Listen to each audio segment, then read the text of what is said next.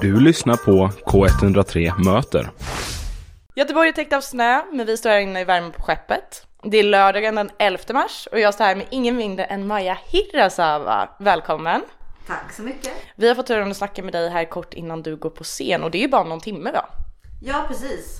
Det är alldeles, alldeles strax dags. Hur känns det? Nervös, taggad? Det här är tredje spelningen som vi gör nu. Vi har spelat torsdag, fredag och så nu är det lördag. Så att nu börjar man liksom komma in i lunket. Så jag har inte, jag har inte hunnit bli så nervös än. Men jag brukar ändå alltid peppa igång liksom precis innan. Och då brukar jag typ, när jag sminkar mig och sånt, då, då vet kroppen och huvudet att snart är det dags. Är det där någonting som har blivit bättre med åren? Jag tänker nervositet, eller är det återkommande att man alltid är lika nervös? Nej, det, det har väldigt mycket att göra med hur mycket man har spelat. Eh, men bara att man har spelat två gånger nu med bandet och gjort hela konserten, det gör att, att det liksom känns ganska enkelt nu. Sen kan det vara, jag, jag gillar att vara nervös, men sen måste det vara på en viss nivå. Sådär att, ja, man måste, det som jag gör mig oftast nervös, eller som jag tycker är jobbigt, det är om jag inte vet vad jag har att vänta på scen. Om vad det ska vara för publik eller så. Men då kan jag mer vara spänd flera dagar innan så. Men du har kört en del i Göteborg väl innan? För som jag förstår det rätt har du till och med bott här. Ja, jag släppte ju mitt första album 2007 så att jag har ju säkert spelat här flera gånger per år sedan dess. Eh, det blir första gången här på skeppet. Var trivs du bäst att spela? Nej men alltså jag gillar ju Göte- att spela i Göteborg och det här är inte bara smör men jag, jag, jag har tänkt på det att det var ju så, jag kommer ju från Stockholm men jag bodde här i Göteborg och jag skrev en låt som heter Gothenburg. Och det var ju som att göteborgarna tog den här låten till sina hjärtan och det är så fint. Men det känns också då som att jag har en speciell publik i Göteborg som alltid finns där. Och det är ganska häftigt att, och liksom känna att de har följt mig så länge nu. Och det var ju länge sedan jag skrev den här låten men det, det är så många som har fina historier om just låten och sådär. Så att eh, jag tycker att Göteborg har väldigt bra publik. Inte bara det här att du nu är ute på turné utan du har även släppt nytt album som heter If this is the end, it sure is a beautiful one. Det var rätt va? Yes! Yes, och det kom ut förra månaden. Jag tänkte på det bara nu det här att jag nästan stakar upp mig på när jag säger albumtiteln. Var kommer namnet ifrån och varför är det så långt? Ja. ja men precis, jag måste verkligen också nu när jag ska prata om albumet att så här, åh, hur, vad är, det är ju så himla långt så man själv liksom snubblar på orden. Men och det, det var liksom två, när jag, när jag skulle bestämma vad det skulle heta, för det här var, jag hade ett, an, ett annat namn jättelänge. Men sen bara sista veckan så kom jag på det här, att det här måste, det måste heta så här. Och då, jag har två managers och ena tyckte att det är alldeles för långt och den andra tycker att det är jättebra. Men jag kände att eh, det här är en textrad från mitt med en av mina låtar på albumet som heter Burning. Och den, jag tyckte att den sammanfattade skivan så bra den textraden. Att, att eh, när jag var, var i slutet av att göra albumet så skedde väldigt mycket saker i världen.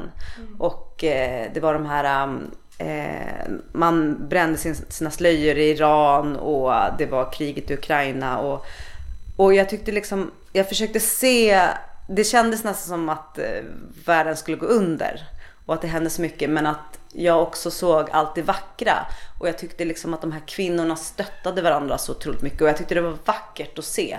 Eh, och hur mänskligheten är god. Så att eh, då blev det den här eh, textraden som jag, ja, jag, jag tyckte den sammanfattade. Som jag förstår det så har du producerat flera av dina tidigare album själv. Eh, men har valt att nu ta in andra producenter till detta album. Delvis, och sen har väl du också producerat vissa låtar själv i albumet. precis. Hur är det att producera själv kontra att ta hjälp av andra? Och vad är liksom fördelarna och nackdelarna?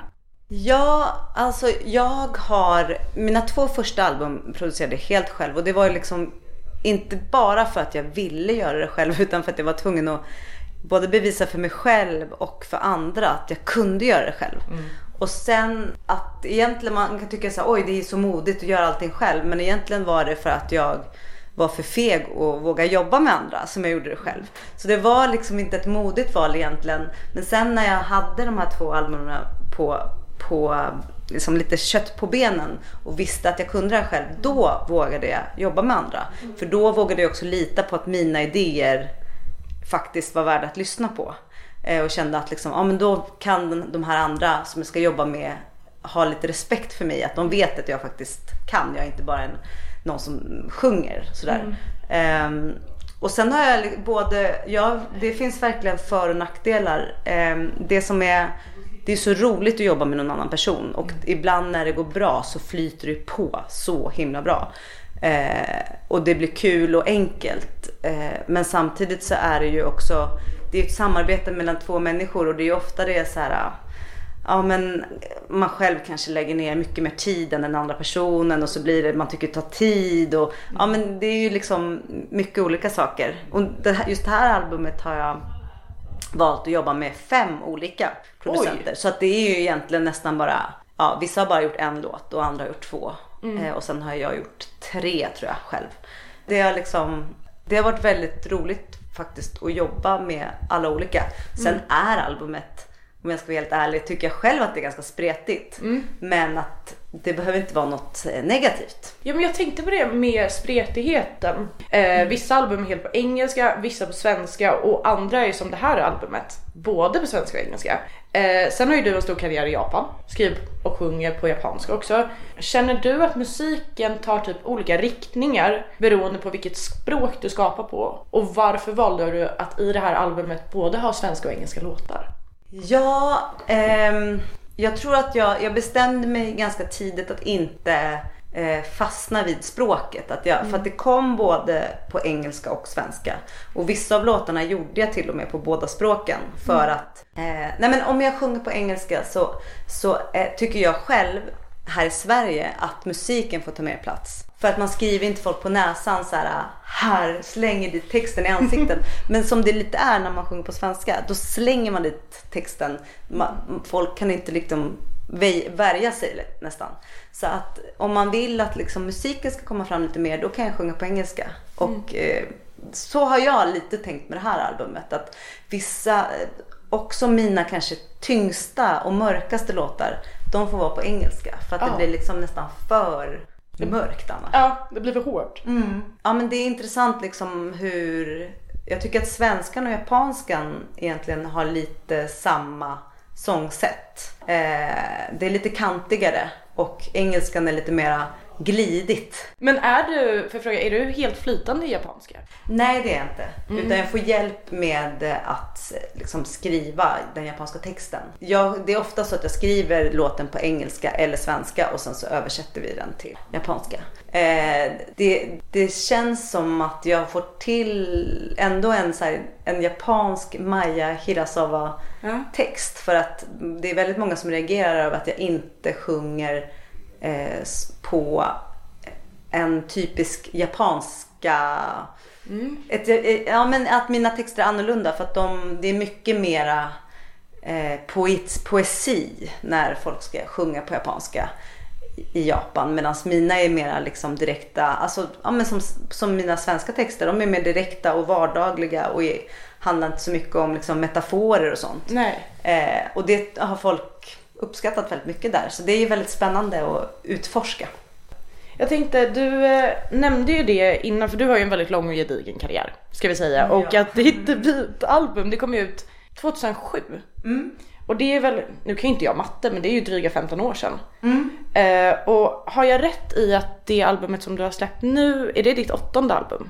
Ja, det är det. Alltså om när jag själv, det är vissa säger att det är sjunde. Ja. Då funderar jag på om de, in, om de hoppar över min julskiva som jag gjorde för typ tre år, fyra år sedan eller sånt. Nej men, nej men jag själv tycker det är åttonde. Sen så har jag ju släppt ännu fler album i Japan. Just det, mm. exakt.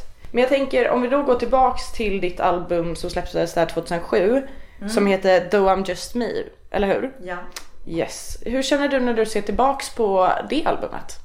Eh, jag var 27 och det är ju speciellt med debutalbum för då gör man ju alla låtar som man någonsin har skrivit mm. väljer man ut tio stycken och så sätter man det på sitt album. Men för mig, jag, jag var väldigt målinriktad och jag visste vad jag ville. Att jag ville bli en sol, liksom, vara solartist och jag hade testat på att vara i band och avskydde det. Jag hade testat jazzen, tyckte inte om det. Um, och var väldigt målmedveten. Eh, men sen också att jag bestämde mig för att jag skulle producera det själv. Och jag har aldrig sett mig själv som en duktig musiker. Och jag satt hemma och spelade in och liksom hade ingen koll på liksom Logic eller musikprogrammen. Men jag, jag bara testade mig fram. Och sen att det blev en så stor succé var ju en otroligt bevis på att Eh, det faktiskt går att göra saker och ting helt själv. Och att det lönade sig för mig att inte ha så bråttom.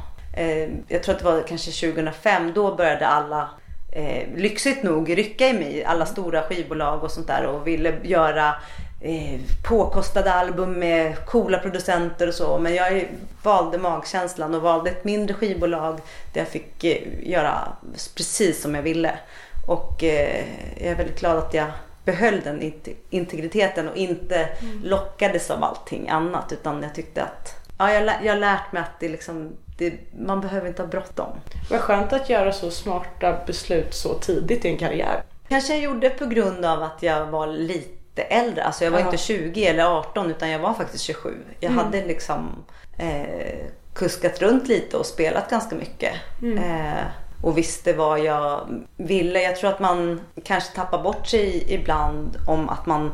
Alltså jag hade ju full fokus på musiken och inget, inget annat. Så att sen när man blev kanske känd eller fick väldigt mycket utrymme där. Det blev väldigt jobbigt för mig. Medan liksom att få spela och musiken, det var bara fantastiskt. För nu är ju albumet släppt och turnén så återstår ju bara här i Göteborg ikväll och sen Stockholm och Fasching va? Ja, och sen spelade jag på Scalateatern Aha! i eh, Karlstad. Men är det ändå en del av den här turnén? Eller Ja, bara- det kan man säga. Vad är planen efter det? Planen är att åka till Japan och spela där och jobba för att släppa mitt album där. För det är inte släppt där än. Så att jag ska liksom klippa och klistra lite och ändra lite så att det blir ett bra album i Japan. Jag ska, frä- främst ska jag eh, släppa lite fler låtar på engelska. Låter ju som en Och jättebra plan. någon låt på japanska också. Men då blir det i alla fall någon på japanska där också. Ja men precis. Jag, eh, folk kanske tror att jag sjunger allting på japanska när jag är där. Men så är det inte. Utan jag sjunger det mesta på engelska. Och sen kanske, ja jag har kanske tio låtar på japanska.